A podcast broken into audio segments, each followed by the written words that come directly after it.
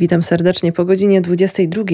Iwana Kosior przed mikrofonem. E, wyjątkowy dzień dzisiaj, 11 listopada, Narodowe Święto Niepodległości i okazja do tego, żeby zastanowić się przy okazji, jak mm, przeżywamy patriotyzm, jakie mamy podejście do historii, do naszego dziedzictwa narodowego, ile o tej historii wiemy, co pamiętamy z lekcji w szkole, mm, co pamiętamy z innych źródeł, z innych doświadczeń, czy wiemy, co tak naprawdę dzisiaj świętujemy i czy to świętowanie na pewno jest takie, jakiego chcieliby nasi przodkowie. Tych pytań jest bardzo dużo i myślę, że szczególnie ten dzisiejszy dzień jest ważny i potrzebny, chociażby po to, żeby na te pytania spróbować odpowiedzieć. A na te pytania będzie odpowiadał dzisiaj nasz gość, doktor habilitowany Marek Sioma, historyk z Uniwersytetu Marii Curie Skłodowskiej. Witam serdecznie. Dobry wieczór Pani, dobry wieczór Państwu. Niby odpowiedź na to pytanie powinniśmy znać, chociażby z lekcji historii, ale myślę, że to nie będzie nadużycie, jeżeli stwierdzę, że nie każdy pamięta czasy szkolne i nie każdy pamięta, dlaczego 11 listopada 1918 roku to data upamiętniająca odzyskanie niepodległości. Czyli zacznijmy od tej lekcji historycznej.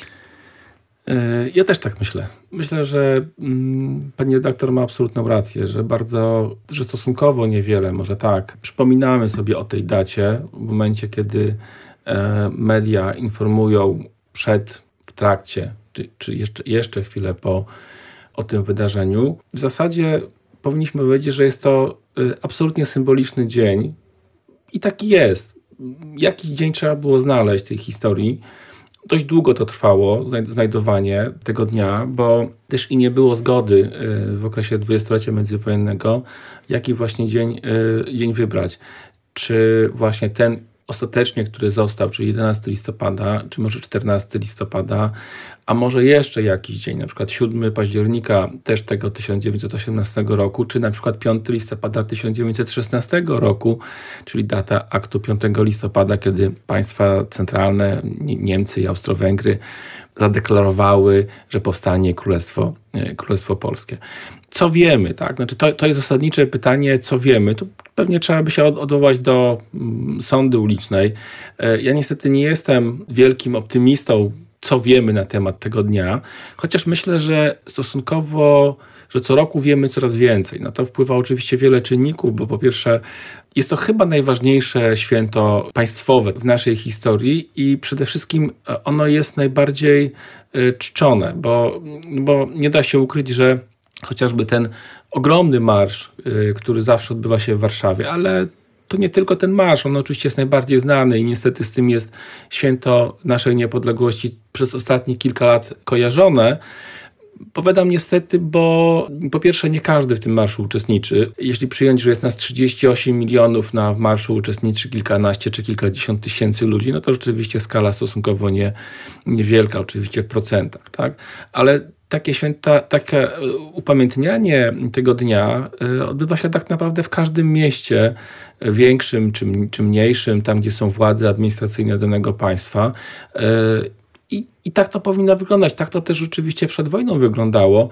Co prawda były tylko dwa y, takie oficjalne, były dwie tylko takie oficjalne uroczystości w 1937 i 1938 roku. No wiadomo, w 1939 nie, nie dało się zrobić, bo, bo już Polska wtedy była pod okupacją niemiecką i sowiecką i słowacką. To też taki y, y, drobiazg, ale rzeczywiście to taka bardzo południowa część y, Polski została tam mm, przez Słowaków okupowana. E, I były dwa razy, było dwa razy tylko. Oczywiście były to wielkie uroczystości państwowe. Trochę dzisiaj się wzorujemy na tych uroczystościach jako państwo.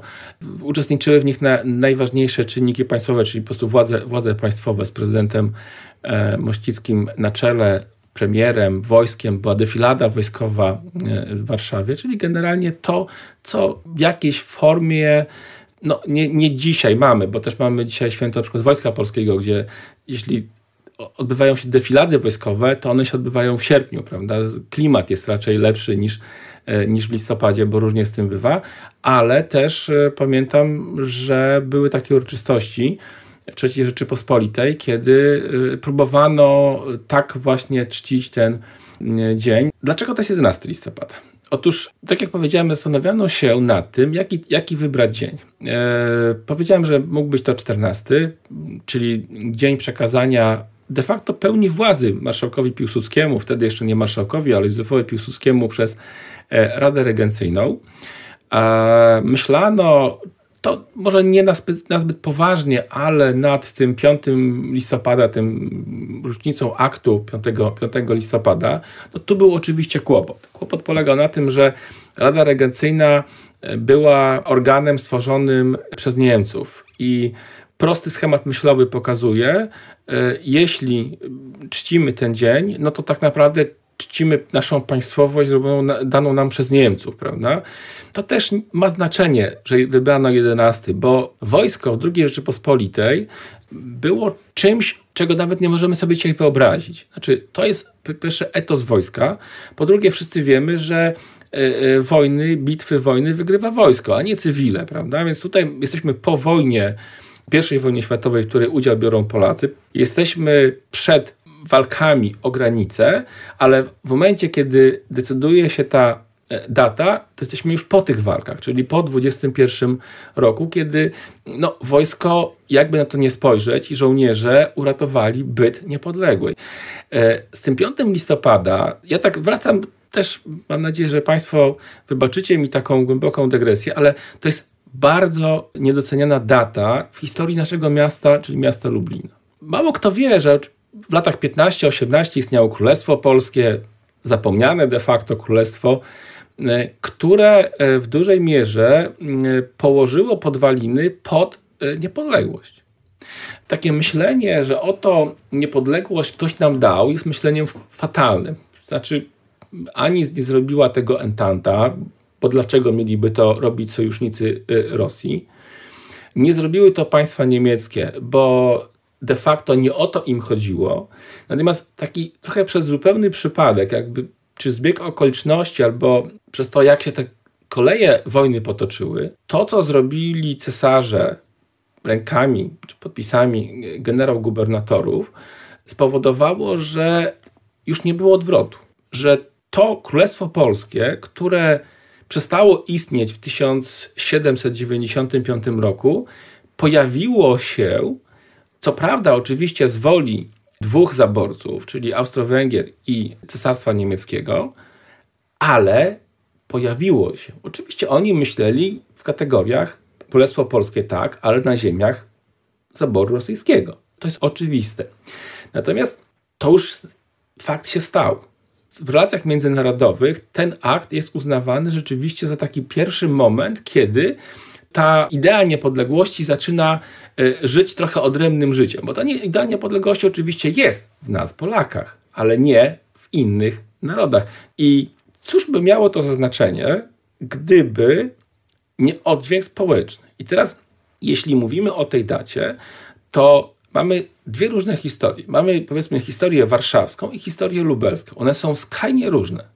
Jeśli chodzi o historię warszawską, to w zasadzie tam się nie dzieje nic. Niemcy do tego ogłosili, ok, odczytaliśmy, tak sobie Kaiser życzył, odczytaliśmy, wszystko jest ok, ludność niespecjalnie w to uwierzyła. Jeśli chodzi o to, co stało się w Lublinie i na Lubelszczyźnie, czy może szerzej w tej, tej, na tych terenach okupowanych przez Austro-Węgry, ale ja będę mówił o Lubelszczyźnie z uwagi na to, że w końcu jestem mieszkańcem stolicy y, tego województwa, nawet tak naprawdę stolicy Polski Wschodniej to tutaj wydarzyło się coś więcej. Tu się wydarzyła historia, w której Austriacy, mówiąc dzisiejszym językiem, urządzili show. Znaczy, żeby to zrozumieć, trzeba by zobaczyć, y, jak oni to zrobili. Po pierwsze, przygotowali pałac gubernatora, czyli Plac Litewski 3, czyli Pałac Lubomirskich, był, był budynek Wydziału Politologii UMCS, gdzie w sali imienia Daszyńskiego, czyli w tej, w której później powstanie rząd Ignacego Daszyńskiego, tymczasowy rząd ludowy Republiki Polskiej, e, odbyła się uroczystość, w której odczytano tę proklamację. Ale po tej uroczystości, a na, na placu litewskim była zgromadzona publiczność, czyli ogłoszono publicznie, że oto powstaje Polska. Wie, więcej, wywieszono sztandar biało-czerwony z tego budynku generał gubernatora, no to przepraszam, jeśli władze okupacyjne wywieszają sztandary biało-czerwone, czyli nie własne, czyli nasze, czyli rodzi się Polska. Mało, więcej, pozwolono mieszkańcom krakowskiego przedmieścia uczynić dokładnie to samo. Czyli Lublin staje się miastem biało-czerwonym. Potem jest pochód do, do, do katedry przez całe krakowskie przedmieście, ulicę Królewską, prawda, do katedry, gdzie jedzie y, generał y, gubernator, gdzie jadą polscy, polscy politycy, msza w katedrze za ojczyznę oczywiście, no bo, no bo za co, prawda? potem spotkania, czyli mamy bardzo uroczysty dzień i to się kończy, ale to jest niewiarygodny, niewiarygodny impuls dla tego społeczeństwa. Powiem więcej, Austriacy zrobili coś jeszcze, jeszcze innego, coś, co byśmy nazywali, ktoś nazwie to propagandą, ktoś inny nazwie to właśnie takim public relations, gdzie, gdzie, gdzie chcieli coś zademonstrować. Otóż nad Placem Litewskim, co sobie trudno dzisiaj oczywiście wyobrazić, latały aeroplany, czyli ówczesne samoloty, które zrzucały biało-czerwone flagi, nazwijmy to w ten sposób. Takie malutkie, chyba kokardki były, też do końca nie wiadomo. W każdym razie to wszystko spadało na tych ludzi obserwujących. E, można by to uznać za, za żart i jakiś nie y, y, mało śmieszny, tak zwaną dziennikarską kaczkę, gdyby nie to, że jest takie zdjęcie gdzie widać rzeczywiście samolot y, w tym konkretnym dniu, gdzie widać u dołu jest pochód, który się formuje i jest ten samolot. Tak? Więc nie, nie ma wątpliwości, że prasa podała prawidłową informację. E, trochę nie, nie, bardzo wiemy, jak to się, jak to społeczeństwo mm, odebrało tak w, w, relacjach źródłowych, natomiast nie ulega wątpliwości, że odebrali to naprawdę nieźle. Ale akt przynosi kolejne następstwa. No one, one są bardzo wymierne, bo zaczyna powstawać polska administracja, czy polskojęzyczna administracja. To jest polskie sądownictwo i to są polskie szkoły. To, to jest wi widać e, w źródłach, że na przykład ludność, e, okoliczn ludność okolicznych miast e, wręcz pisze, no, powiedzieliśmy adresy, ale pisze takie pisma do władz austriackich, żeby im pozwolili zrobić szkołę polską. Też o tym prasa pisze w takich krótkich notatkach, ja pamiętam jaka dotyczyło Zamościa, gdzie okoliczna ludność, w tym Włościanie właśnie, tak, pisali pisma, dajcie, pozwólcie nam, y, pozwólcie zrobić szkołę, którą my będziemy utrzymywali. Wyobraźcie sobie Państwo, jakie są koszty utrzymania szkoły, po to, żeby nasi synowie mogli do tej szkoły pójść. To wszystko dzieje się po akcie 5, 5 listopada. Nasza niepodległość jest procesem. To nie jest żaden cud. Nikt tego cudu za nas nie uczynił. Myśmy, myśmy na to pracowali y, pokoleniami. Można powiedzieć, że tu znowu historycy trochę się spierają, czy powstania narodowe, te XIX-wieczne, one, one, miały sens, prawda? Czy, czy one, co one w ogóle wniosły? I są zagorzali krytycy, po co, prawda, to jest bezsens, to nie miało żadnej, żadnej racji bytu, to są tylko ofiary, albo to jest wielka emigracja po listopadowym, albo to są te słynne wywózki na Sybir, prawda, gdzie tam y, dziesiątki tysięcy ludzi wylądowały na, na Syberii i nigdy nie wróciło, nie wróciła część stamtąd. Ale jakby z punktu widzenia tego, co się stało później, powstania narodowe właśnie nie bez kozery nazywamy je narodowymi, bo one zaczęły kształtować nowoczesnego Polaka. Ja trochę y, użyłem specjalnie tego -hmm. określenia nowoczesny Polak, czy w zasadzie powinien powiedzieć Polaka.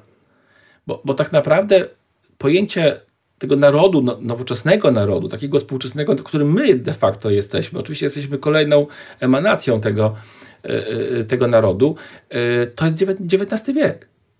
To, to, to, nie, to, to właśnie tak polega, że jak się pojawia państwo prawa, czy państwo prawne, to się zaczyna kształtować naród. I my idziemy absolutnie drogą, którą idą Niemcy, które budują własny naród. No przecież to nie kto inny, jak dopiero Bismarck ustalił, jakim językiem będą się ci Germanie posługiwali. Powiedział, ten, to będzie ten język, my go nazywamy językiem, językiem niemieckim. Ten dialekt wybrał, prawda, jako, jako język państwowy i to zaczęło ich spajać. E, I identyczną drogę przechodziliśmy. Oczywiście trudniejszą, nie mamy własnego państwa. To jest kłopot zawsze, bo, no bo nie mamy własnych władz, prawda?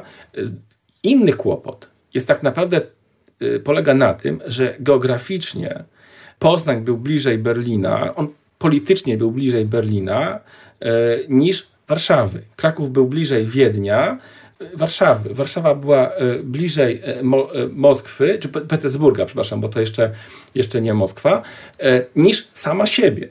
Czy, bo to, to są tak naprawdę polskie miasta, te czołowe dzisiaj po, polskie miasta, ale one tak naprawdę orbitują w zupełnie przeciwnych kierunkach. Nie do środka, tylko od środka, bo tak jest ułożone życie tych państw. Natomiast powstania kształtują mit uciśnionego Polaka. Czy że Polak jest, po pierwsze, że oni podnieśli rękę na Polaków, że my jesteśmy Polakami. Zresztą powstanie listopadowe to tak naprawdę armia polska Królestwa, Królestwa Polskiego, które walczy, y, walczy z Rosjanami. Są świetnie, y, świetnie wyposażona, świetnie wyszkolona y, armia, która o mały włos byłaby tę wojnę wygrała. Ale to jest inna historia.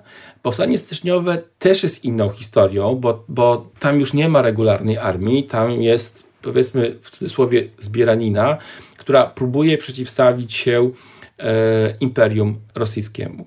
Po tych obu wojnach rodzi się pojęcie czegoś takiego, pewnej wspólnoty, że jesteśmy jak, jakąś wspólnotą i zaczynamy się jako ludzie mieszkający na pewnym obszarze dookreślać, kim chcemy być.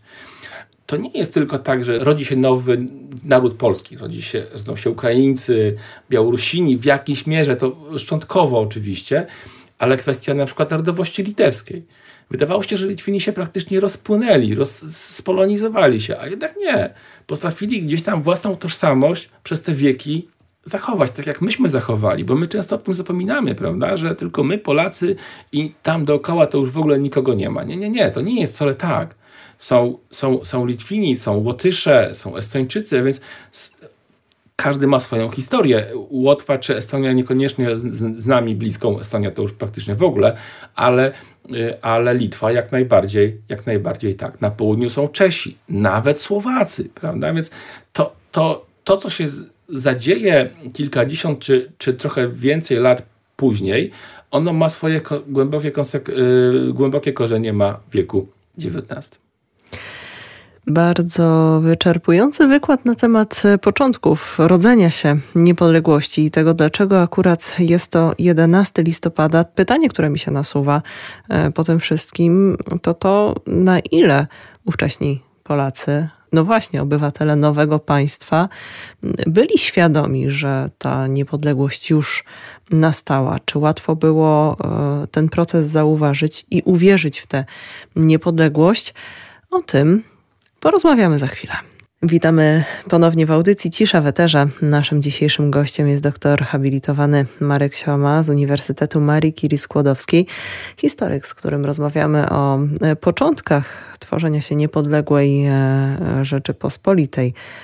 Niepodległym e, państwem jesteśmy od 103 lat. Taką datę wspominamy dzisiaj, 11 listopada 1918 roku. Jak mogli Państwo usłyszeć, e, same okoliczności i nastroje, które wtedy panowały, no, pokazują, że, że bardziej jest to, był to proces i, i termin umowny niż, niż coś, co rzeczywiście dla wszystkich mogło być jasne, że 11 listopada to jest ten dzień, od którego historia pisze się na nowo. Chociażby to jest też kwestia dotycząca tego, jak Pan wspomniał w pierwszej części naszej rozmowy, że e, trochę ta dwutorowość, inaczej odbierane e, wydarzenia i inne okoliczności w Warszawie, inne okoliczności u nas na Lubelszczyźnie. O kwestii jeszcze rządu tymczasowego e, wspomnimy, ale to pytanie, e, które już e, w zasadzie zadałam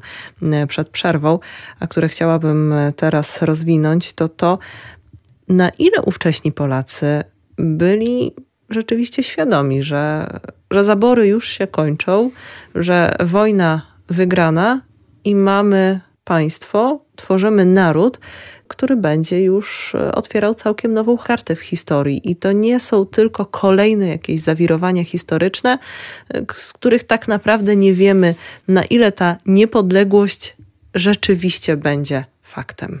Poruszyła Pani bardzo ciekawy, a zarazem bardzo trudny e, aspekt. I odpowiedź jest niejednoznaczna, bo w historii nie ma jednoznacznych odpowiedzi z reguły. Są konkretne daty ale już interpretacja tych dat, wydarzeń już nie, nie musi być wcale taka oczywista.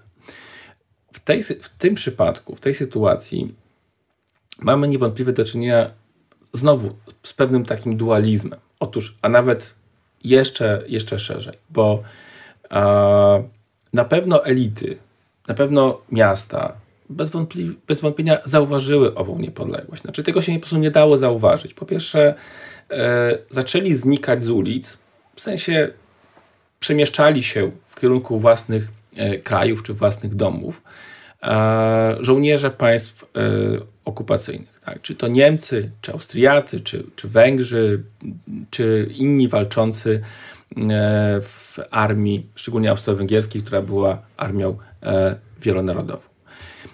Skoro zniknęli z tych ulic, no to coś się musiało stać.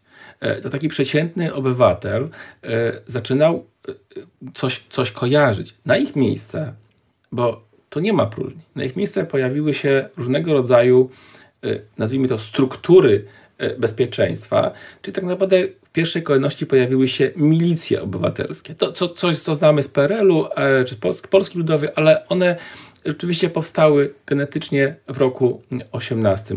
Różnego rodzaju straże, które, które zaczęły e, strzec porządku, czasami musiały na przykład strzec różnego rodzaju na przykład składów, chociaż tutaj to żołnierze POW, Polskiej Organizacji Wojskowej, starali się nad tym trzymać, y, trzymać pieczę, no bo wiadomo, broń, szczególnie w tak chaotycznych i niebezpiecznych czasach, zawsze może posłużyć do tego, żeby a to wyrównamy rachunki, a to, a to spróbujemy zdobyć władzę.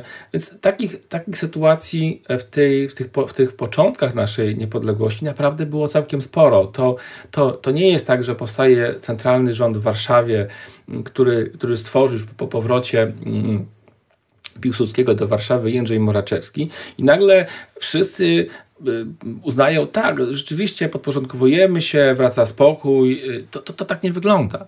To, to opanowanie sytuacji, szczególnie, że do tego jeszcze dochodzi, dochodzą konflikty graniczne od Śląska Cieszyńskiego poczynając z, z Czechami, y, przez konflikt z Niemcami w Wielkopolsce, na Śląsku, po wojnę, czy przez wojnę z Ukraińcami, bo to jest wojna, to, to, to my to często patrzymy, że to jest e, jakiś bunt ukraiński. Nie, to jest, to jest wojna z Ukraińcami. Tam się toczy wojna o Galicję Wschodnią.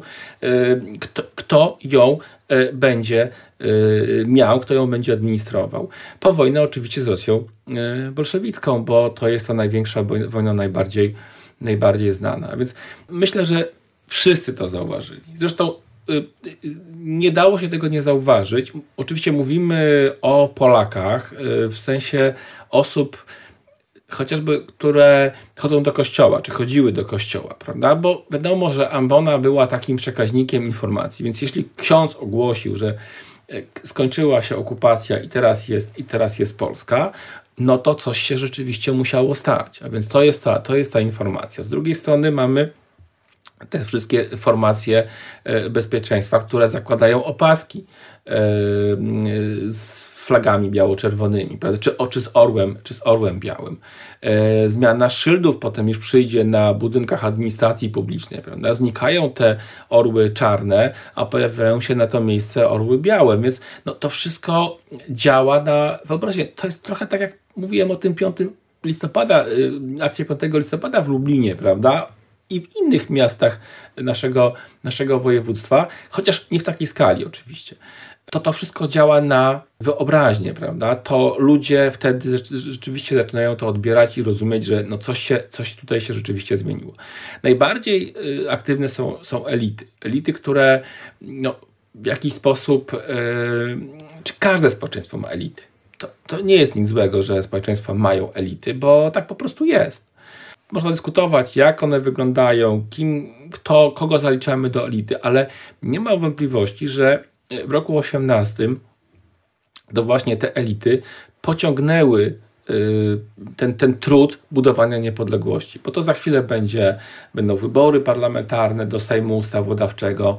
Y, to jest kształtowanie się tych nowych elit, ale to są również partie polityczne, które istnieją albo zaczynają istnieć w drugiej Rzeczypospolitej.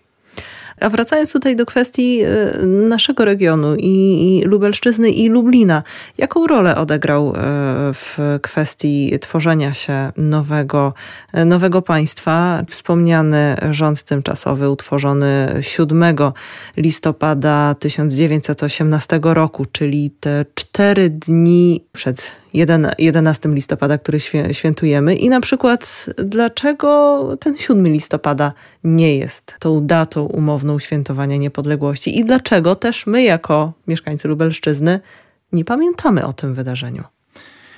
Może od końca. E, wydaje mi się, że nie pamiętamy, bo o tym nie mówimy po prostu. Media o tym nie informują, nikt się na tym specjalnie nie, zastanawia. E, jest to, jest to rząd, z, z którym nie powinniśmy mieć kłopotu w sensie historycznym, bo, bo to nie jest żaden obcy rząd, to, są, to jest rząd, tymczasowy rząd Ludowy Republiki Polskiej pod prezesurą Ignacego Daszyńskiego z Polskiej Partii Socjaldemokratycznej Galicji i Śląska Cieszyńskiego. W składzie członkowie PPS-u, PSL-u późniejszego Piast, czyli Wincenty, Wincenty Witos, czy PSL-u Wyzwolenia, czy Stronnictwa Niezawisłości, Niezawisłości Narodowej, PSL-u Wyzwolenia, a więc można powiedzieć taki centrolewicowy.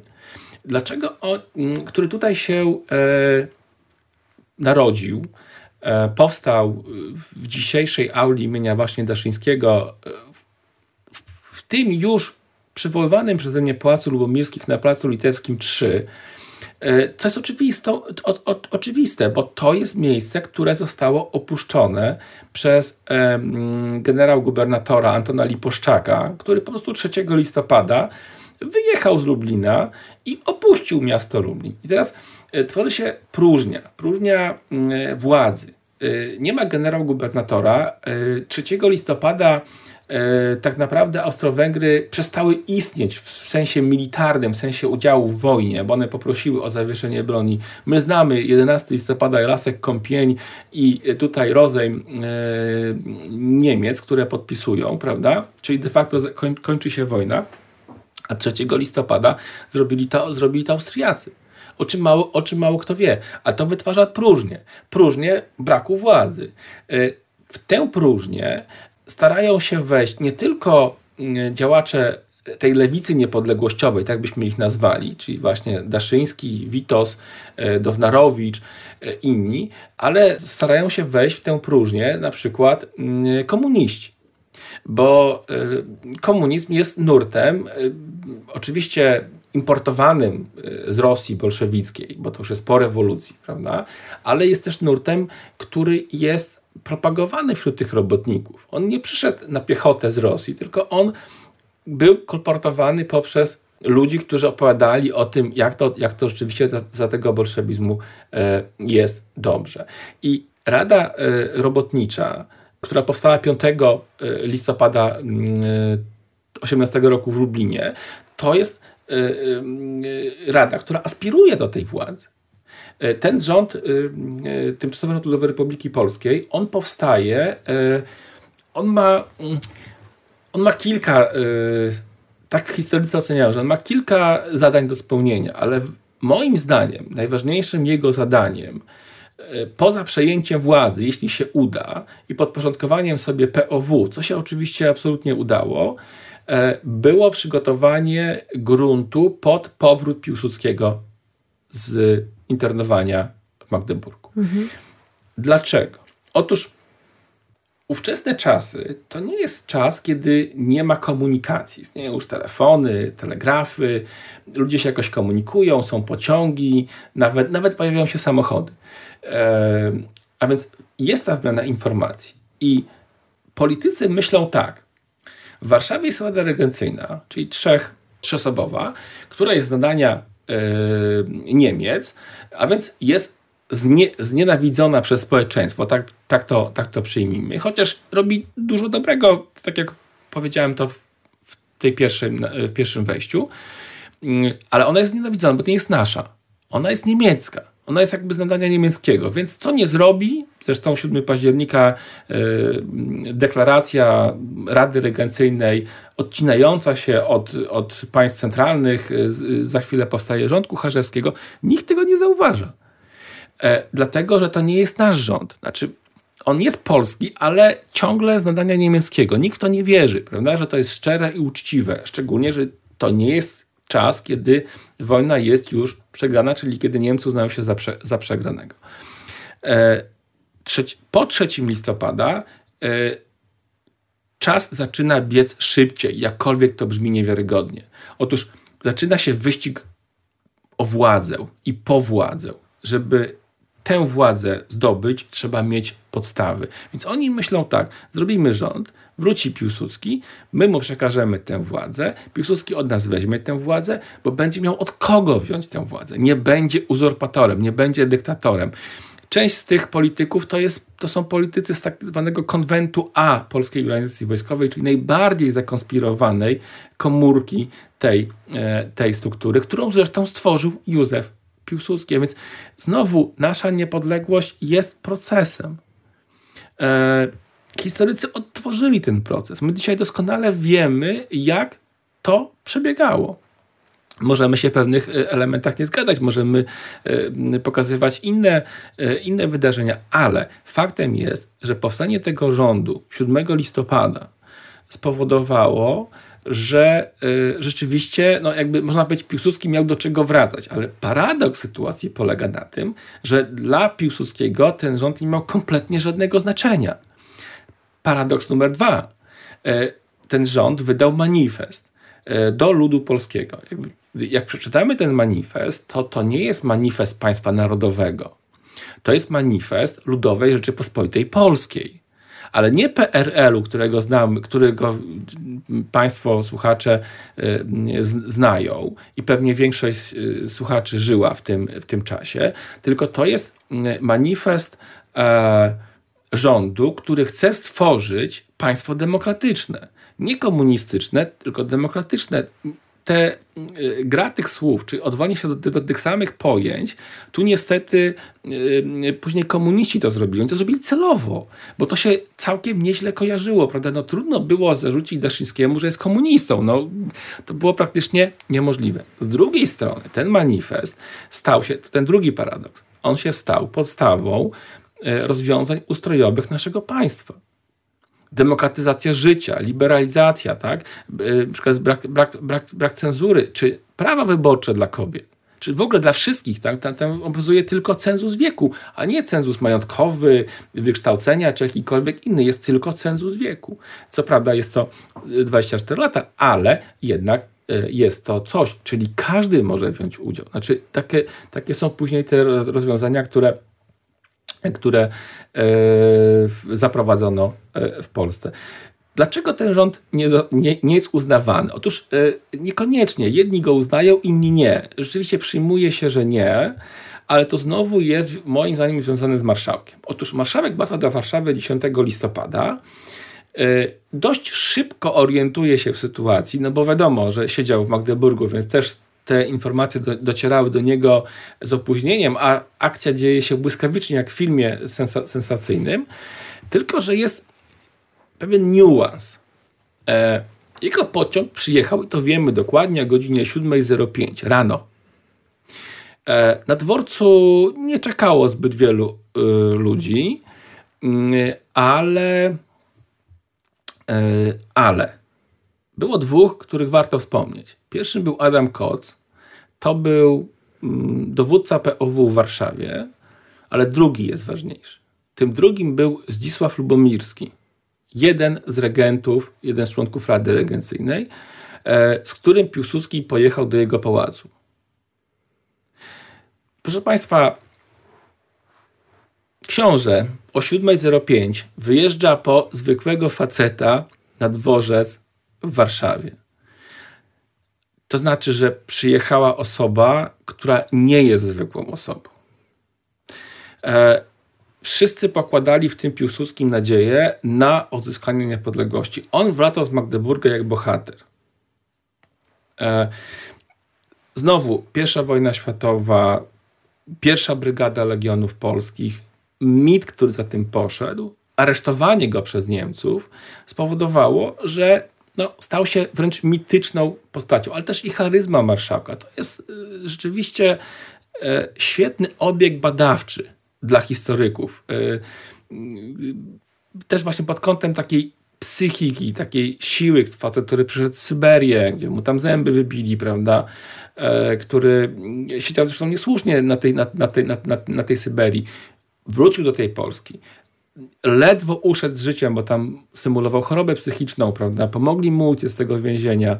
E, dostał się do tej Galicji, e, potem poszedł na współpracę z, z wywiadem e, austriackim. A co miał zrobić? Prawda? Próbował, jak, próbował cały czas być aktywnym i to się udało, to przyniosło efekty. Wracał jak bohater i, i spotyka, spotkał się z Daszyńskim, kiedy wypoczął takie bardzo no, nieeleganckie słowa tam o kurach i tam o prowadzeniu, to już mm -hmm. nie będę mhm. cytował, e, i przejął władzę z rąk Rady Regencyjnej. E, nie do końca wiadomo, znaczy wiadomo dlaczego. Nie, to nie, jest, nie, nie o to chodziło, że on sposponował rząd tymczasowy, tylko chodziło o to, że y, i tak, i tak POW mu się podporządkowała i rząd mu się podporządkował, a Rada Regencyjna była bardzo miała bardzo wymierną siłę, miała polnisze Wehrmacht, czyli miała te 9 mm, tysięcy żołnierzy y, undorowanych, uzbrojonych, a więc ówcześnie bardzo poważną siłę, która mogła zadecydować o tym, y, kto zdobędzie władzę. Wojsko, tak jak, każde, tak jak każda struktura, działa na polecenie. Więc tutaj przekazanie tej władzy wojskowej Piłsudskiemu spowodowało, że no, automatycznie stał się naczelnym dowódcą. Zresztą oni to napiszą w piśmie, w takim dekrecie 14 listopada, że przekazują władzę cywilną tobie, panie naczelny dowódco, a nie Józefie Piłsudski. Więc tutaj już jest ta funkcja, pojawia się ta funkcja naczelnego dowódcy, a 14 listopada no, marszałek Piłsudski zostaje, zostaje yy, no, de, de facto dyktatorem dyktatorem e, Polski. 16 e, powstaje rząd Jędrzeja Marczewskiego, e, rząd, w skład którego wchodzą w części politycy rządu lubelskiego. A więc oni stają się błyskawicznie elitą, chociaż rzeczywiście no, nie jest ten rząd uznawany za rząd centralny. Być może tu znowu historiografia, prawda, że, że nie w Warszawie, tylko w Lublinie, jednak, jednak y, zawsze rządy powstały. Jednak co centralny rząd, to centralny rząd, prawda? My jesteśmy tylko rządem regionalnym. Tak jak e, ten rząd jest rządem regionalnym, tak jak Polska Komisja Likwidacyjna w Krakowie, prawda, która jest też rządem regionalnym, bo to jest y, PKL jest dla Galicji.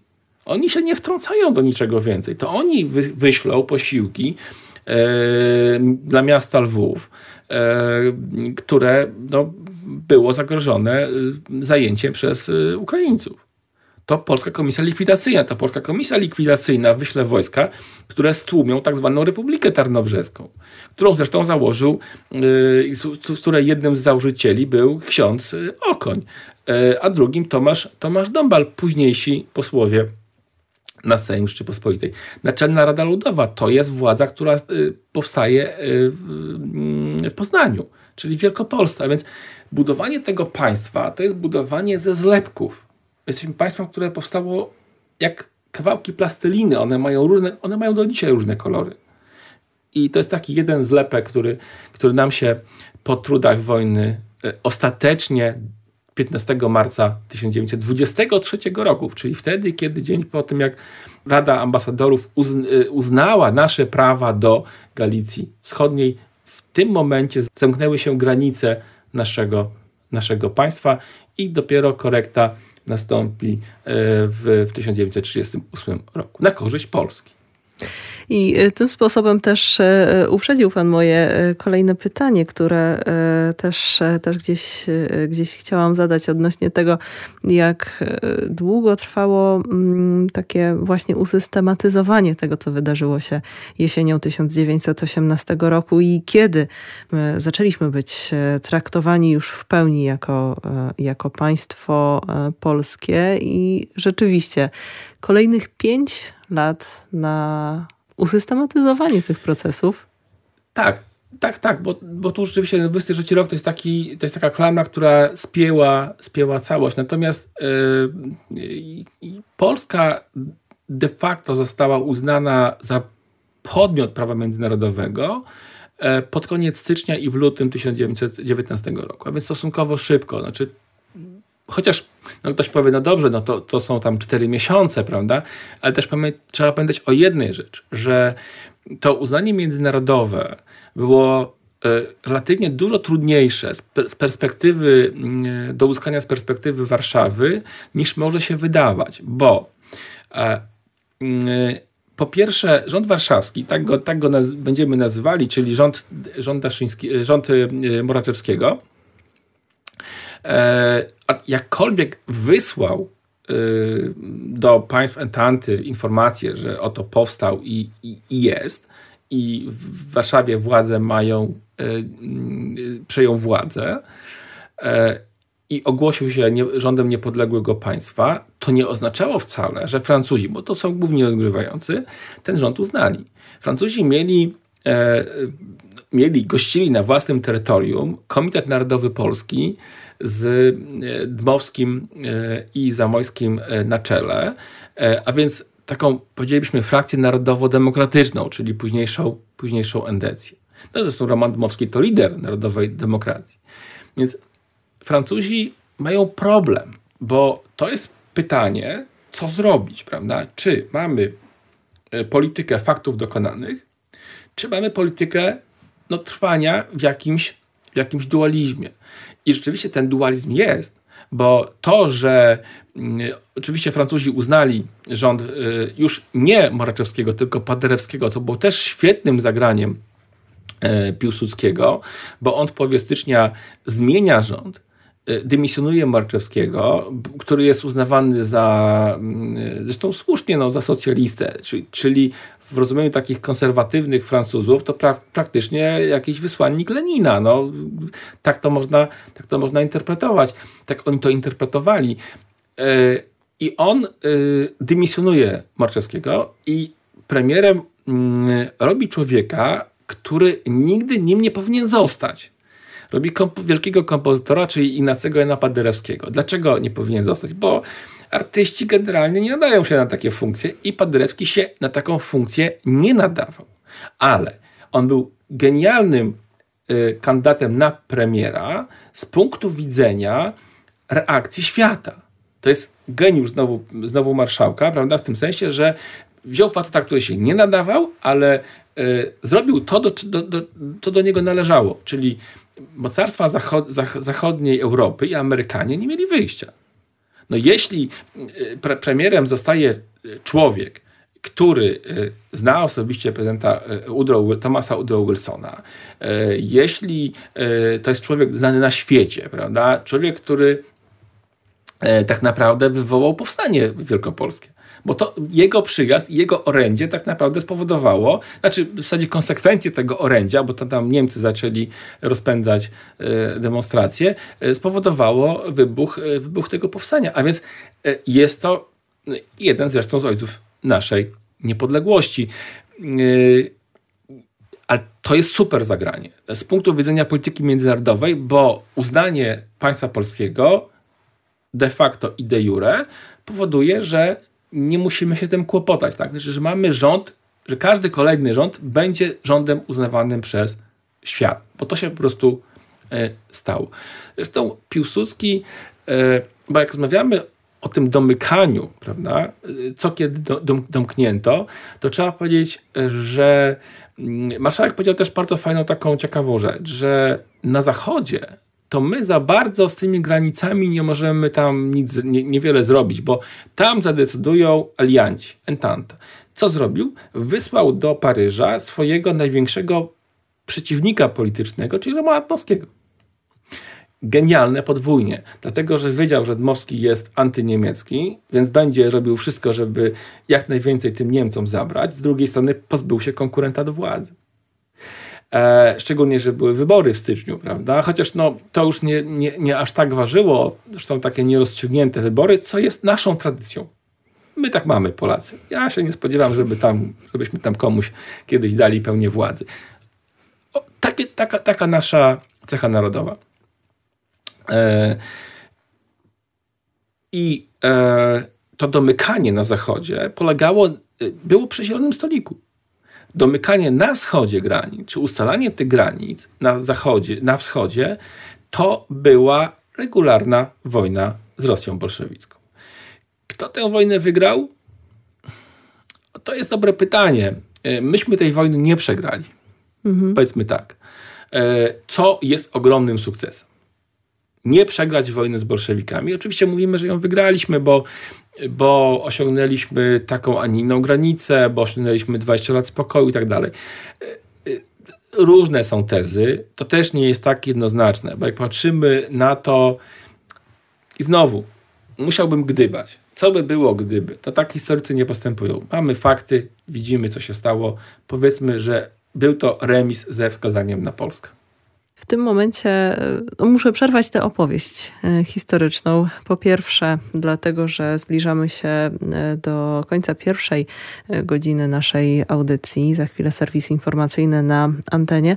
A po drugie, bo o tym, co się działo można by było rozmawiać jeszcze przez kolejne godziny. Chociażby nawet y, wydaje mi się, że no bardzo mało, śmiesznie mało wspomnieliśmy o postaci y, marszałka Józefa Piłsudskiego, ale tak naprawdę do tego potrzebna by była oddzielna audycja, żeby, y, żeby jeszcze poświęcić tej postaci czas i temu, jak ten człowiek wpływał na postrzeganie Polski, postrzeganie narodu polskiego, jak wpływa na naszą współczesność i to, że dalej jest to ikona polskiej niepodległości, ale te kwestie zostawimy. Może jeszcze o tym wspomnimy, e, ale e, raczej nie bezpośrednio, ponieważ w tej naszej dzisiejszej dyskusji chciałabym się skupić jeszcze oprócz faktów historycznych, chciałabym się skupić na tym, jak dzisiaj odbieramy historię i czym jest dla nas patriotyzm i czy w odpowiedni sposób chociażby e, obchodzimy święto niepodległości? Na te pytania odpowiemy sobie po godzinie 23. Zachęcam Państwa do pozostania z Radiem Lublin. Witamy Państwa e, serdecznie ponownie w audycji Cisza w Eterze, która trwa na antenie Polskiego Radia Lublin. Naszym dzisiejszym gościem jest historyk, doktor habilitowany Marek Sioma z Uniwersytetu Marii Curie Skłodowskiej, e, z którym e, próbujemy rozwinąć to, co kryje się za datą 11 listopada 1918 roku. Obchodzimy dzisiaj dokładnie 103. rocznicę odzyskania przez Polskę niepodległości. O tym, jak to odzyskiwanie niepodległości i jak bardzo był to złożony proces i jak bardzo data 11, 11 listopada może być uważana za nieoczywistą, o tym już rozmawialiśmy w pierwszej godzinie.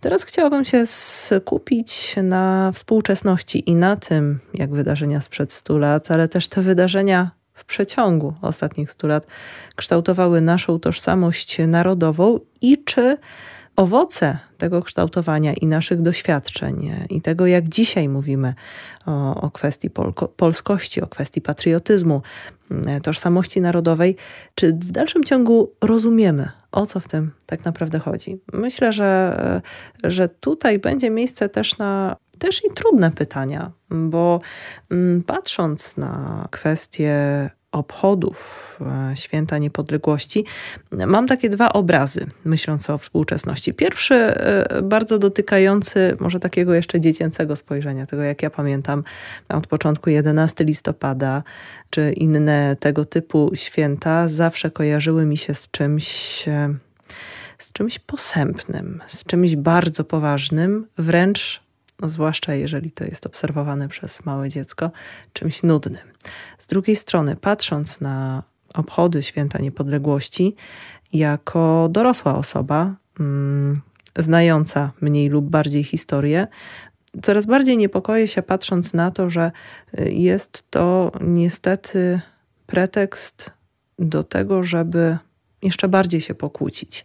I jest mi zwyczajnie smutno, że, że, że ten 11 listopada jest, mm, jest niestety powodem do tego, żeby zastanawiać się, kto ma rację, kto ma większą rację, kto tej racji nie ma, ale o tym porozmawiamy za chwilę. Pierwsze moje pytanie, którym chciałabym rozpocząć tę część dyskusji, jest to, czym jest patriotyzm? A czym patriotyzm nie jest, w Pana przekonaniu? Czym jest patriotyzm? To jest e, pytanie. Ja nie, nie wiem, nie potrafię powiedzieć w sensie, oczywiście jakąś tam definicję można by tutaj podać, natomiast dla mnie patriotyzm, oczywiście mówimy o patriotyzmie polskim, tak, czyli w sensie takim, że każdy naród ma własny, własny patriotyzm. To jest szacunek, e, szacunek dla przeszłości. Chyba nawet do takiej, jakiej, jaka ona w ogóle była, bo, bo mamy rzeczywiście bardzo skomplikowaną, bardzo trudną historię i, i, i, i, te, nie, i te początki niepodległości, o których mówiliśmy, i druga RP, do której się teraz bardzo mocno odwołujemy, e, choć nie było to państwo mlekiem i miodem płynące i nie było dla wszystkich e, przyjazne i to nie tylko kwestia jest taka, że tu chodzi o narodowości, ale chodzi również o takie kwestie przykład społeczne czy socjalne, prawda, poziom, poziom życia. To oczywiście znowu dyskusja na, na, na, na, kolejne, na kolejne minuty. E, ale to pamiętanie o naszej przeszłości, o tych ludziach, którzy to państwo tworzyli, tak? o tych, którzy na to zasługują, żeby o nich pamiętać, a może nawet i o tych, którzy nie zasługują bo to też jest e, dziedzictwo, e, na e, nasze, nasze, nasze polskie dziedzictwo i nie da się ich po prostu w żaden sposób usunąć z tego, z tej naszej historii. Patriotyzm to też myślenie o innych, o tym, co byśmy nazwali dobrem wspólnym. Nie tylko ja, nie tylko moi bliscy, ale też, też jakby wszyscy dookoła, pewna, pewna wspólnota. Tak? Znaczy, patriotyzm to też e, e, nie robienie krzywdy drugiemu człowiekowi. E, to też e, chociażby e, szanow, szacunek dla innych poglądów. To też jest patriotyzm, bo my, my mamy taką historię, jaką mamy, ale ta historia i szczycimy się tą historią bardzo często. Ona ma dużo jasnych, ale ma też dużo ciemnych stron, ale na pewno szczycimy się czymś takim jak tolerancja. A więc jeśli się szczycimy tolerancją, że u nas nie było stosów, to tak mhm. powiedzmy, że nie, tak jest, że nie tak jak to na Zachodzie by, mhm. E, bywało. Że nie prześladowaliśmy y, innowierców, że pozwalaliśmy się osiedlać e, Żydom, że te inne narody, kultury wrastały. One są dnia, do, do, dnia dzisiejszego. Miejscowości typu Olendry, Niemce, to są miejscowości, które pochodzą od Holendrów czy od Niemców, którzy tutaj, tutaj przybyli, prawda? Mnóstwo Włochów, no, szczycimy się pięknym zamosiem, no, któż go zaprojektował, prawda? Więc jeśli szczycimy tolerancją, E, mówimy, jesteśmy narodem tolerancyjnym i chcemy takim być, to też jest patriotyzm. E, oczywiście takim e, wymiernym wyznacznikiem tego patriotyzmu, szczególnie chyba w dniu dzisiejszym, czy, czy teraz, to jest afiszo, może nie afiszowanie się, ale y, przyznawanie się do symboli narodowych. One rzeczywiście mm, stały się integralną częścią wręcz garderoby niektórych, mm -hmm. niektórych, y, niektórych polityków. I to jest takie. Mam wrażenie, że nie, że nie do końca nasze, bo, bo to wcześniej y, już w innych, y, Amerykanie to po prostu zrobili. E, no ale okej, okay, dobrze, to też się zmienia. To też jest tak, że to podejście, czy to rozumienie patriotyzmu, czym jest patriotyzm, też się zmienia. My dzisiaj e, chcemy e, inaczej, upatrujemy tego patriotyzmu właśnie w tej historii początków II Rzeczypospolitej. Czyli manifestujemy, czy staramy się manifestować ten 11 listopada jako ten symboliczny dzień odzyskania naszej, e, naszej niepodległości po tych 123 latach niebytu, ja bym tak, niebytu państwa polskiego na mapie e, Europy. E, uważam, że każdy ma prawo do świętowania tego dnia i tej rocznicy w taki sposób, jaki chce.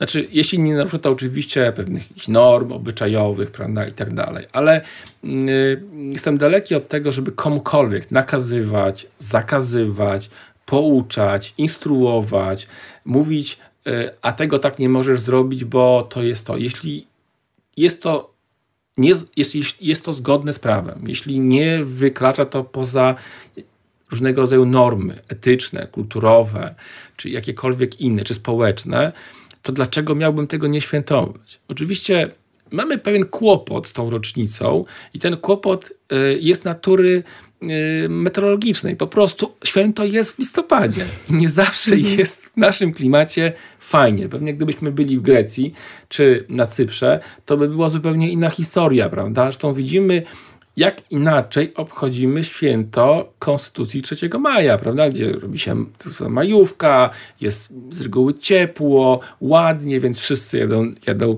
za miasto, na jakieś działki, na jakiegoś grilla, prawda? Zresztą ob, obce nam yy, działanie, ale które się bardzo ładnie adaptowało na nasze warunki. W listopadzie jest trudniej. Y, trudno zrobić grilla, prawda? Bo no, po prostu jest zimno, no. Y, więc y, przenosimy, przynieśliśmy ten nasz, to nasze wyrażenie do tego święta na, na trochę, trochę inaczej, więc demonstrujemy albo właśnie wywieszając flagę na balkonie, no bo tak bardzo często jest, czy też w oknach, prawda? Biorąc udział w uroczystościach państwowych, bo one oczywiście są. Czy to są centralne uroczystości państwowe, czy też uroczystości państwowe w różnych miastach, szczególnie miastach woje, woje, wojewódzkich, które się odbywają w centralnych częściach tych miast. Spektrum jest naprawdę duże.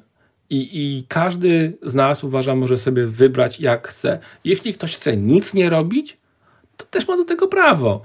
E, jeśli ktoś uzna, że tego dnia uczci e, ten dzień przeczytaniem książki, no to ja będę y, szczęśliwy.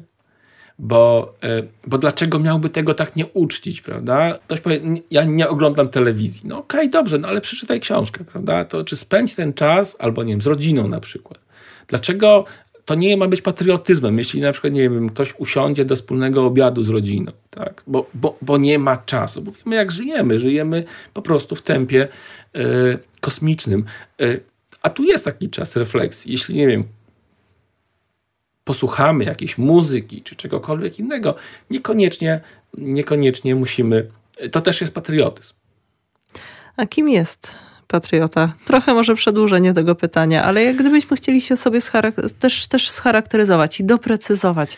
Dla to... mnie patriotą jest każdy, e, kto nie podnosi ręki na Rzeczypospolitą Polską.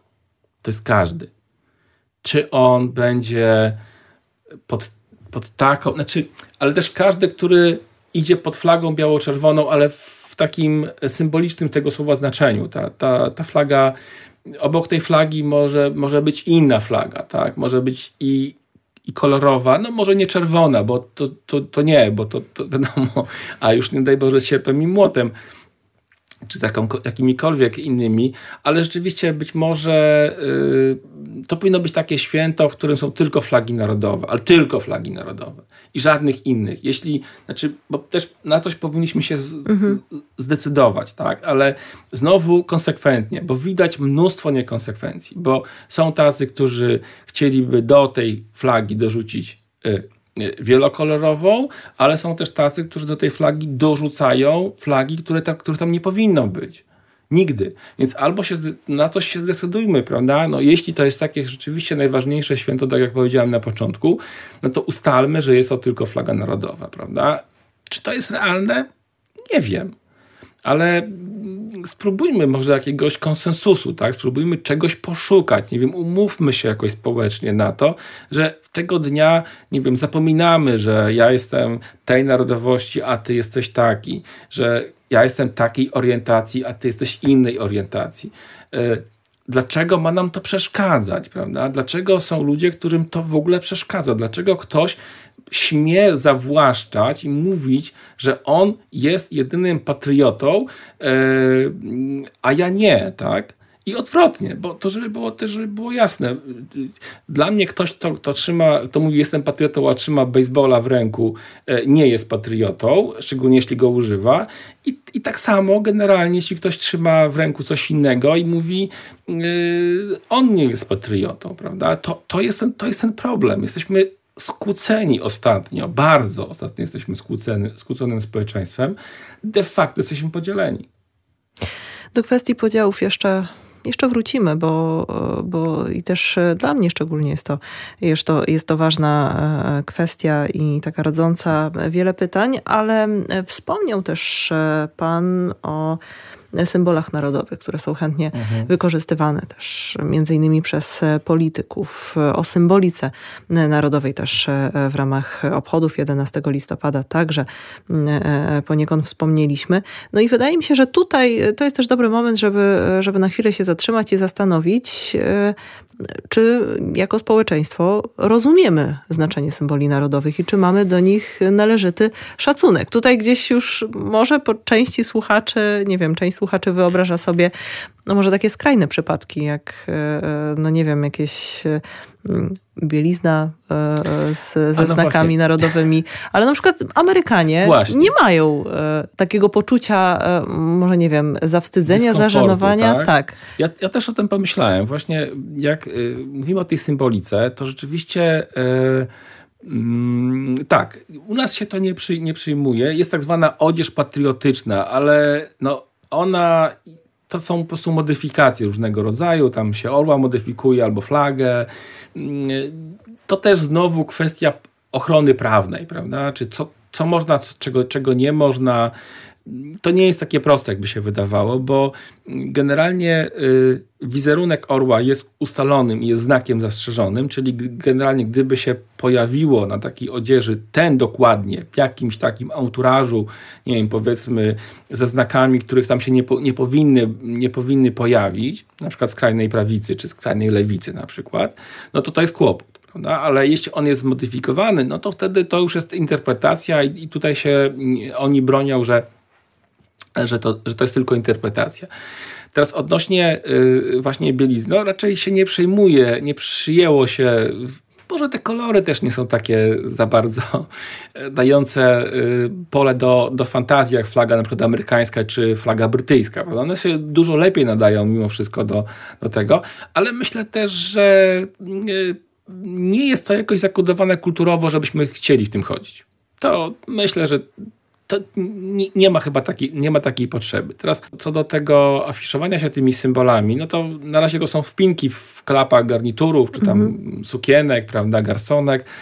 E, natomiast też e, nie nosimy tych flag na, ramie, na, na, na ramieniu, no bo to one wtedy muszą być w mundurach, prawda? Znaczy, coś takiego chyba nie jest zakazane z tego, z tego, z tego, z tego co wiem.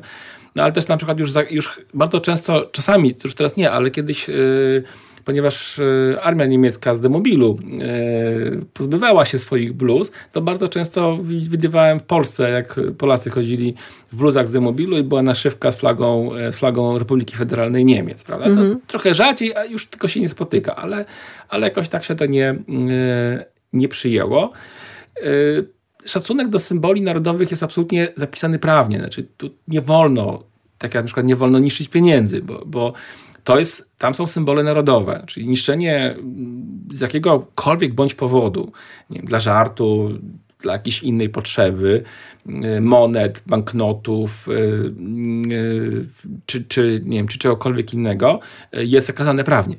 Także no, też yy, trzeba zdawać sobie z tego sprawę, że te symbole są po prostu pod ochroną. Czy mamy flagę herb, o to jeszcze może wyjaśnię, mm -hmm. bo to też jest taka ciekawostka. Wszyscy mówią, że mamy godło. Rzeczywiście jest kłopot, bo zapisane jest literalnie godło, mm -hmm. ale z punktu widzenia mm, historyka godłem jest orzeł biały, czy Aquila alba, czyli wzór orła.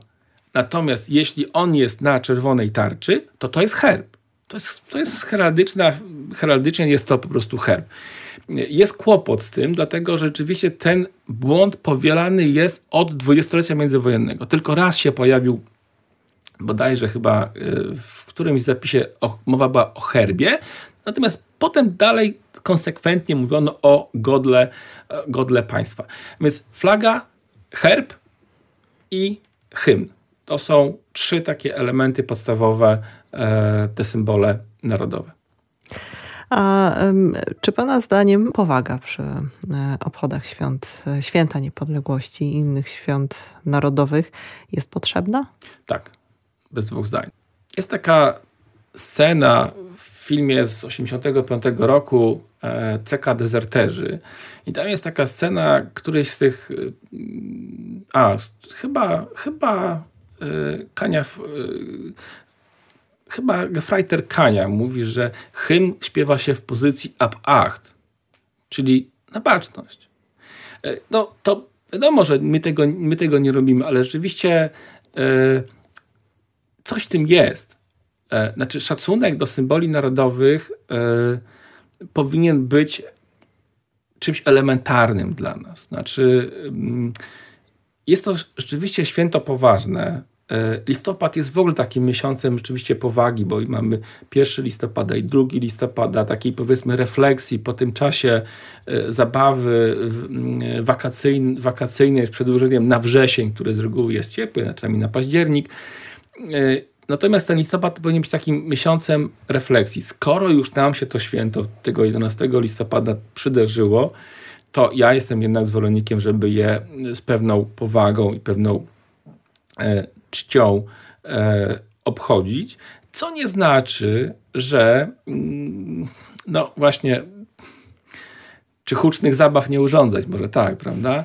E, raczej ich nikt nie robi, szczerze powiedziawszy, bo to, bo to też jakby znowu klimat jest determinantem tego święta, prawda? Aczkolwiek jest to święto niezwykle radosne, bo, no bo odzyskaliśmy niepodległość. Mamy własne, niepodległe, suwerenne państwo, którego tradycje staramy się dzisiaj, e, dzisiaj kultywować. E, pewnie marzeniem był moim, czy, czy myślę, że nie tylko moim, byłoby to, gdyby, nie wiem, nie było tego dnia nietrzeźwych kierowców, czy w ogóle nie, nietrzeźwych, gdyby ludzie na siebie nie pluli, gdyby e, w sensie oczywiście przenośnym, gdyby tego dnia było coś w rodzaju zgody narodowej, to takie powiedzmy sobie moje, moje tutaj e, pobożne życzenia, bo tak to po prostu nie wygląda, no bo życie jest jakie jest. Społeczeństwo nasze, polskie, już niewiele się różni od, tego, od tych społeczeństw zachodniej Europy, czy też wschodniej Europy. Tam wszędzie też się ludzie kłócą. I też się kłócą o pryncypia. My tego oczywiście nie widzimy, bo żyjemy własnym, wsobnym życiem naszym polskim, bo wiadomo, że na tym się generalnie koncentrujemy, ale tak po prostu jest. W pierwszej e, e, części naszej rozmowy, też o tym nie wspominałam, dopiero teraz e, jakoś to do mnie wróciło. Mm, wspomniał Pan też o takim zapatrzeniu w drugą Rzeczpospolitą i to, że, że trochę ją idealizujemy. I tak sobie myślę o tym, że może te osoby, które, które upatrują się jakiejś takiej idylii w tamtym okresie międzywojennym, e, mogłyby poczytać, jak chociażby wyglądała scena polityczna e, wtedy. I, nie trudno doszukać się analogii Parali, chociażby do... Absolutnie. E, e, nie mogły, powinny poczytać, bo, bo oczywiście tylko pytanie, czy ich to przekona, prawda? E, myślę, że jednak coś czytają. Problem jest tylko taki, że ja nie wiem, co oni czytają, a powinni czytać opracowania, powiedzmy, naukowe albo takie, które gdzieś tam wokół tej nauki krążą. Absolutnie idealizujemy. Powód jest dość prozaiczny de facto nie ma osób, które pamiętają drugą RP. A więc możemy idealizować Wszystko w zasadzie, tak? E, no bo jak ktoś nie wyjdzie i nie zweryfikuje, już z powstaniem warszawskim, prawda, jest, jest, jest pewien kłopot. Już coraz mniej tych powstańców jest, ale jeszcze ktoś tam to potrafi zweryfikować. Z drugą RP jako całością, no to tak naprawdę nie ma takiej możliwości. Ci, którzy rządzili tą, tą Polską, nie żyją od dziesiątków, od dziesiątków lat. Kto miałby wyjść i powiedzieć, w zasadzie nie żyją ludzie, którzy tam się y, nie tyle urodzili, co mieli na tyle lat, po 20, prawda, czy 20 parę lat, żeby rozumieć coś, co się, co się w tej Polsce dzieje, my ją strasznie ideologizujemy. Jakby znaleźliśmy sobie taki punkt odniesienia, że oto patrzcie, a ta druga RP to, a ta druga RP tamto, a ta druga RP e, owo. Okej, okay. oni, nie mówię, że nie mają racji, nie mówię, że e, nie mówią nieprawdę, ale wy, selektywnie wybierają fakt. E, druga RP to też mnóstwo różnych problemów problemów społecznych, problemów kulturowych, narodowościowych, gospodarczych. To jest mnóstwo, mnóstwo, mnóstwo. Oczywiście to państwo ma sukcesy i to takie niepodważalne, niepodważalne sukcesy. Ma też swoje priorytety, ale to państwo też funkcjonuje i to, to jest taki, mnie to zawsze boli, jak ja słucham i myślę sobie, no dobrze, ale świat się zmienił My nie, jest, nie możemy być drugą RP, bo ten świat jest zupełnie inny. My jesteśmy w zupełnie innej rzeczywistości. I jako społeczeństwo, i jako państwo, i jako kontynent nawet. To my, po pierwsze, Polska nie jest pępkiem świata. Po drugie, Europa nie jest pępkiem świata. E, a więc to rzutuje na optykę patrzenia, tak? To się, to się, musi, to się musi zmienić. Znaczy, powinno, prawda? Powinniśmy to dostrzec i e, kształtować, znaczy wykorzystywać drugą RP, owszem, jako pewien punkt odniesienia, ale nie wzorzec litości.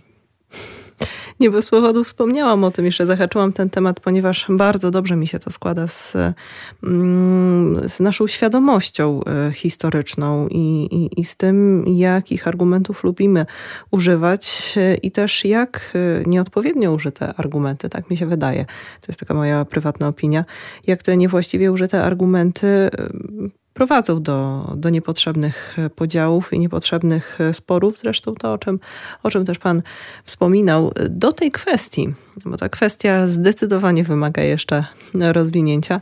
Do tej kwestii wrócimy za chwilę. W audycji Cisza w Eterze wracamy do rozmowy z historykiem, doktorem habilitowanym Markiem Siomą z Uniwersytetu Marii Curie Skłodowskiej.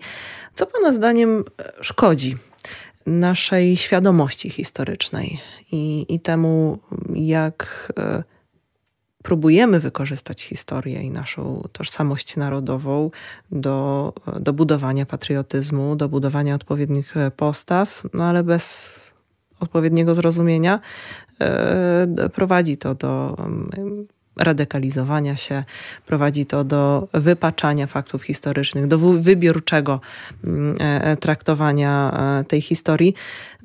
Czy jest coś szczególnie, co Pan zauważa, co, co rzeczywiście sprawia, że, mm, no, że, że wypacza tę naszą mm, tożsamość historyczną? Jak pani redaktor zaczęła zadawać pytanie, to pomyślałem sobie brak wiedzy, brak rzetelnej, gruntownej wiedzy, ale Kolejna część pytania e, trochę zmieniła mm, odpowiedź, bo wydaje mi się, że to są po prostu kanały informacji. E, czyli zależy, z jakiego kanału informacji korzystamy. Jak ten kanał kształtuje informacje. Otóż no, czytelnicy, słuchacze, telewidzowie, odbiorcy internetu, ci może najmniej, ale ci pierwsi de facto nie zdają sobie sprawy, że każda informacja jest kształtowana. Nawet nasza rozmowa jest tak naprawdę kształtowaniem jakiejś informacji. Problem polega na tym, że bardzo wiele osób e, po pierwsze korzysta z jednego kanału informacji i to jest kłopot. Po drugie, nawet jeśli to jest jeden kanał informacji, to nie stara się, nie dokonuje analizy tych informacji. Tylko po prostu przyjmuje i e, informację podaje dalej, na przykład, albo przyjmuje do siebie i koniec. Ona nie podlega przetworzeniu. To nie jest dobry proces, bo on prowadzi do tego, że e, w zasadzie można w ten sposób, jeśli, się jeśli to się robi permanentnie a, i podaje się takie informacje, można doprowadzić do fanatyzmu po prostu.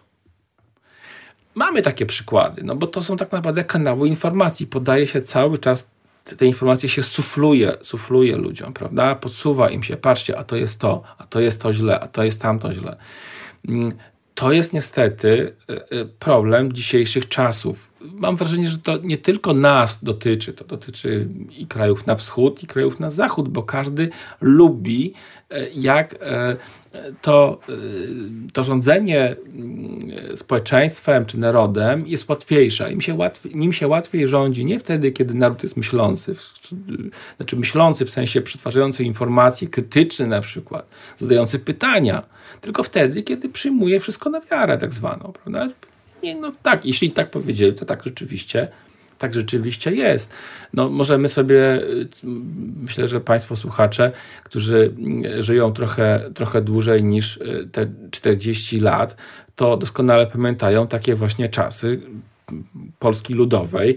To już co pada będzie lata 70., 80., czy wcześniej, kiedy tak to się rzeczywiście odbywało. Jeden strumień informacji, jedna informacja, ale przecież tam powiedzieli, że tak jest i tak, prawda? Że jest wspaniale, bo jest to, bo jest to, bo jest tamto. Więc największy problem jest właśnie w tych strumieniach informacji, że my bardzo często nie chcemy y, y, znaleźć alternatywnego strumienia albo poddać y, analizie szczególnie krytycznej. To, to, to nie jest proste oczywiście, bo do tego potrzebna jest pewna wiedza. I znowu wracamy do początków. Brakuje gruntownej, rzetelnej wiedzy. Problemem jest tutaj, no właśnie, szkoła. Mhm. Szkoła. To jest zasadnicze pytanie, jak zrobić i co zrobić, żeby nasza dyskusja stała się bezprzedmiotowa. Myślę, że nie ma złotego środka, bo mógłbym powiedzieć tak, dać sobie spokój z historią starożytną, średniowieczem, tam XVI, XVIII, dajmy sobie z tym spokój w jakimś tam skali, no ale nie, no też, tak, też tak nie można, bo właśnie y, szczególnie ta Europa, y, która jest Europą łacińską, no to ma korzenie greckie, helenistyczne, rzymskie, w sensie takim, że to jest nasze dziedzictwo, tak? My jesteśmy spadkobiercami tego, tego dziedzictwa. I tego też nie można pominąć. Natomiast rzeczywiście, no, myśmy się też nie wzięli z niczego w tym, 11, w tym X wieku, prawda? Tak jak nie wzięliśmy się z niczego w tym XX wieku. To jest proces. Ja mówiłem o tym procesie, bo, no, bo, no bo taki jest temat dzisiejszej y, audycji. Ja dostrzegam, niestety, y, i to mówię ze smutkiem, że dzisiejsza szkoła, ale nie tylko może dzisiejsza, ale w ogóle szkoła, mhm. nie chce korzystać z różnych powodów.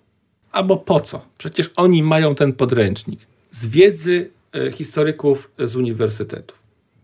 To mnie trochę smuci, bo e, z drugiej strony oczywiście nie, nie wszyscy historycy e, chcą, ale z tych, których znam, czyli historyków XX wieku z UMCS-u, ale też i, i, i koledzy i koledzy z Kulu czy koledzy z IPN-u e, też myślę, że bardzo chętnie takie, takie rzeczy robią. No, moi koledzy z UMCS-u e, z katedry e, metodologii i badań nad XX-XXI wiekiem, no, nie słyszałem, żeby, żeby ktokolwiek odmówił, tak? czy, czy, czy, nie wiem, czy profesor Mariusz Mazur tam od, od PRL-u.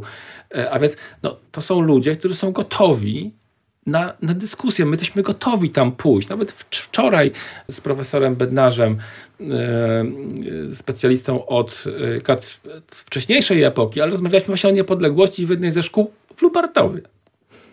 Nie, bardzo fajnie, bo to, bo to jest taki, taki motyw, który my staramy się sprzedać. Uczniom, czyli nie gadająca głowa w sensie jednego, jednego człowieka, który prowadzi wykład, tylko coś takiego jak tu z panią redaktor. Mamy interakcję, prawda? Prowadzimy sobie taką dyskusję.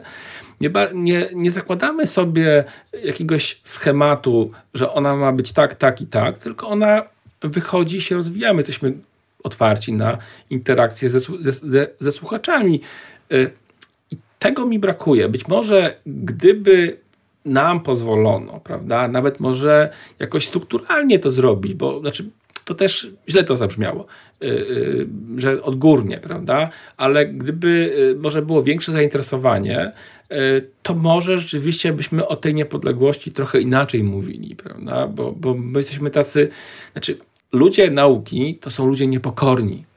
Znaczy, to nie, nie, się nie, się tam nie poddajemy propagandzie, że tam było tak i tak. Nie, mówimy tak, jak było, tak jak, tak jak wychodzi to z naszych badań naukowych, a nie tak, jak ktoś sobie y, y, zamówi. Jak ktoś sobie zamówi wykład, to ja nie przyjdę. W sensie takim, że będzie miał tezę. Jak pan powie ten wykład, ale pan powie z tezą. No to nie, to sorry, to dziękuję. Ja myślę, że po części mam też odpowiedź y, chyba na to pytanie, dlaczego tak nie jest. Może dlatego, że mhm. sama no, pamiętam jeszcze w jakimś stopniu e, ten czas e, edukacji i to, mm, co się powtarzało i co się dalej powtarza. I rodzice, e, którzy, osoby, które teraz mają dzieci w wieku szkolnym, cały, cały czas mówią o przeładowaniu materiału, tak. o tym, że tak. tego czasu po tak. prostu nie ma. A jeszcze inna kwestia tutaj dochodzi. Dla mnie to było takie jako takiej osoby gdzieś dorastającej i zaczynającej bardziej świadomie patrzeć na rzeczywistość i też na naukę. Niesamowitym odkryciem było to, że e, historia to nie są tylko sztywne tak fakty, ale to jest tak delikatne tak. czasem pole do interpretacji tak. tego, co się Właśnie, działo. I dokładnie tak. Bo to generalnie jak się trafi fatalny historii, to on będzie, on zabije w dzieciach faktografią wszystko.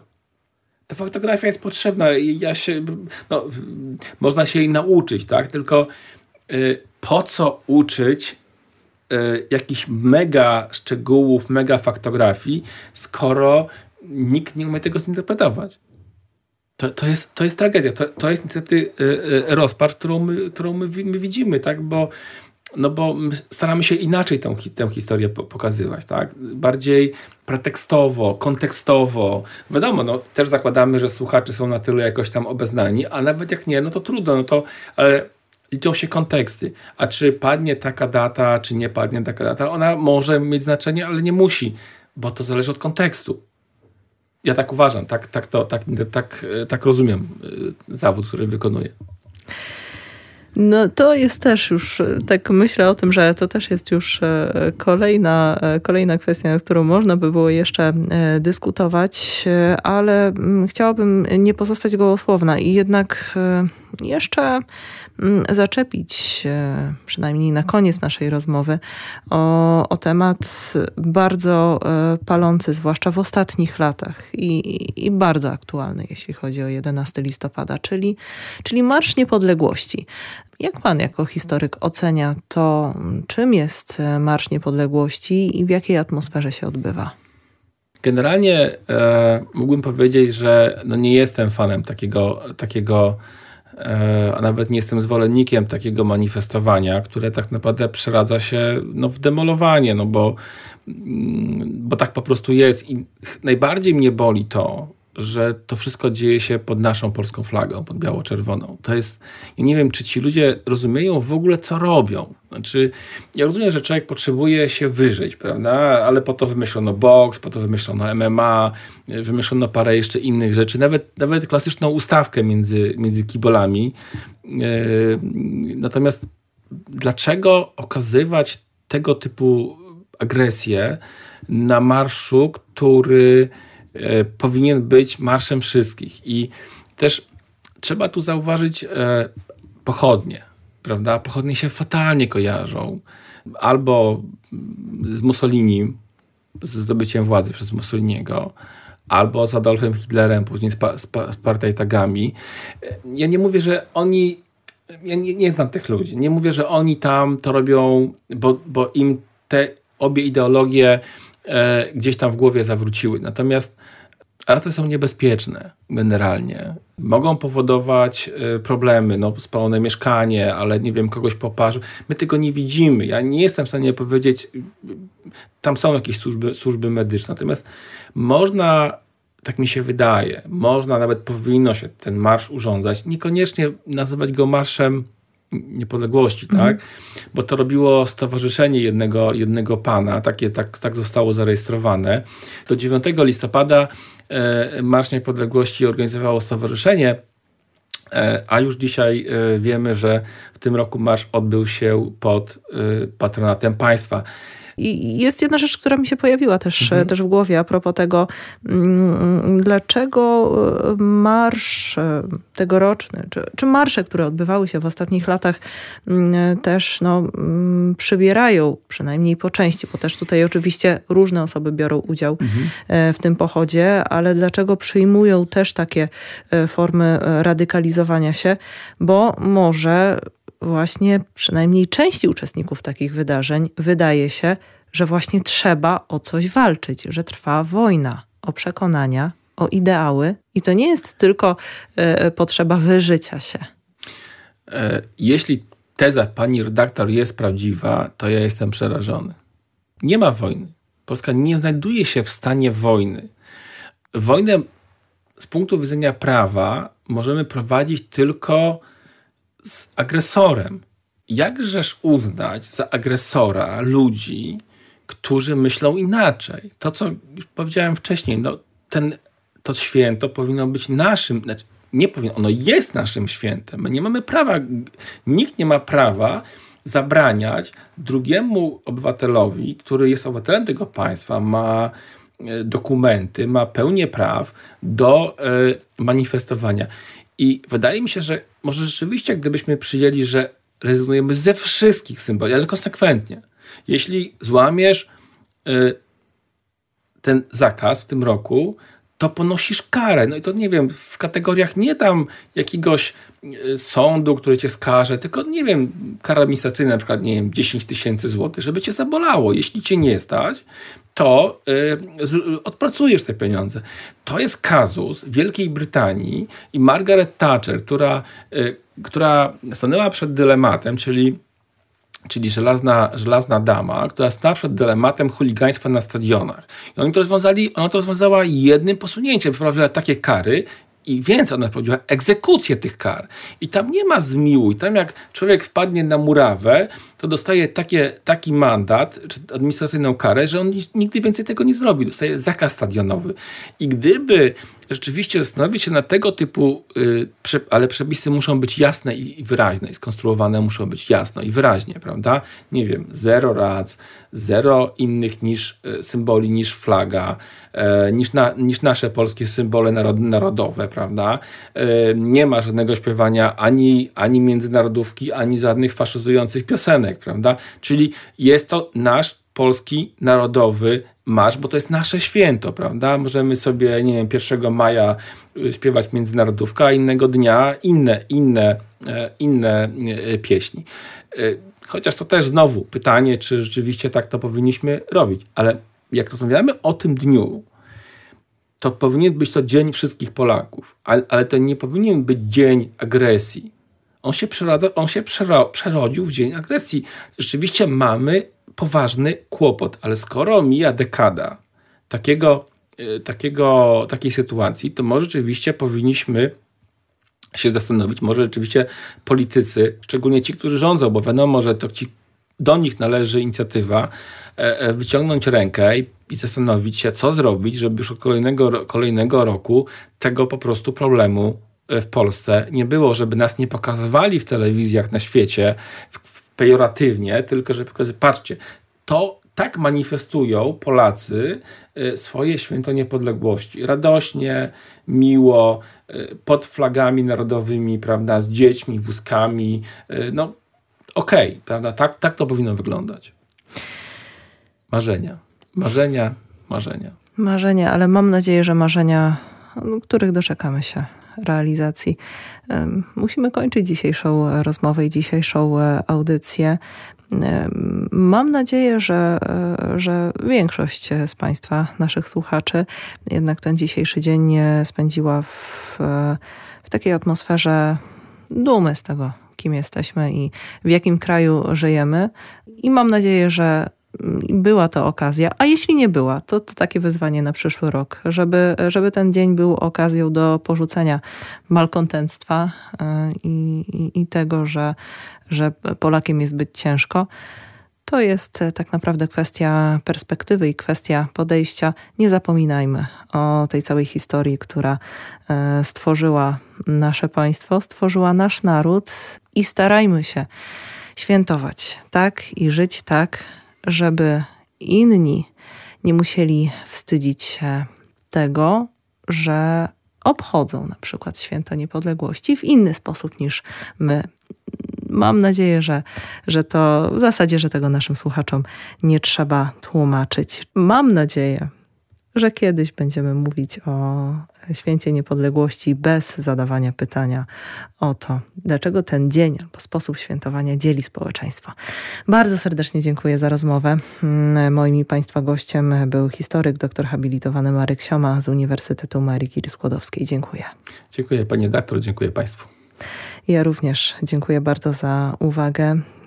Przed mikrofonem Iwona Kosior. Żegnam się z Państwem. Życzę dobrej nocy do usłyszenia za tydzień.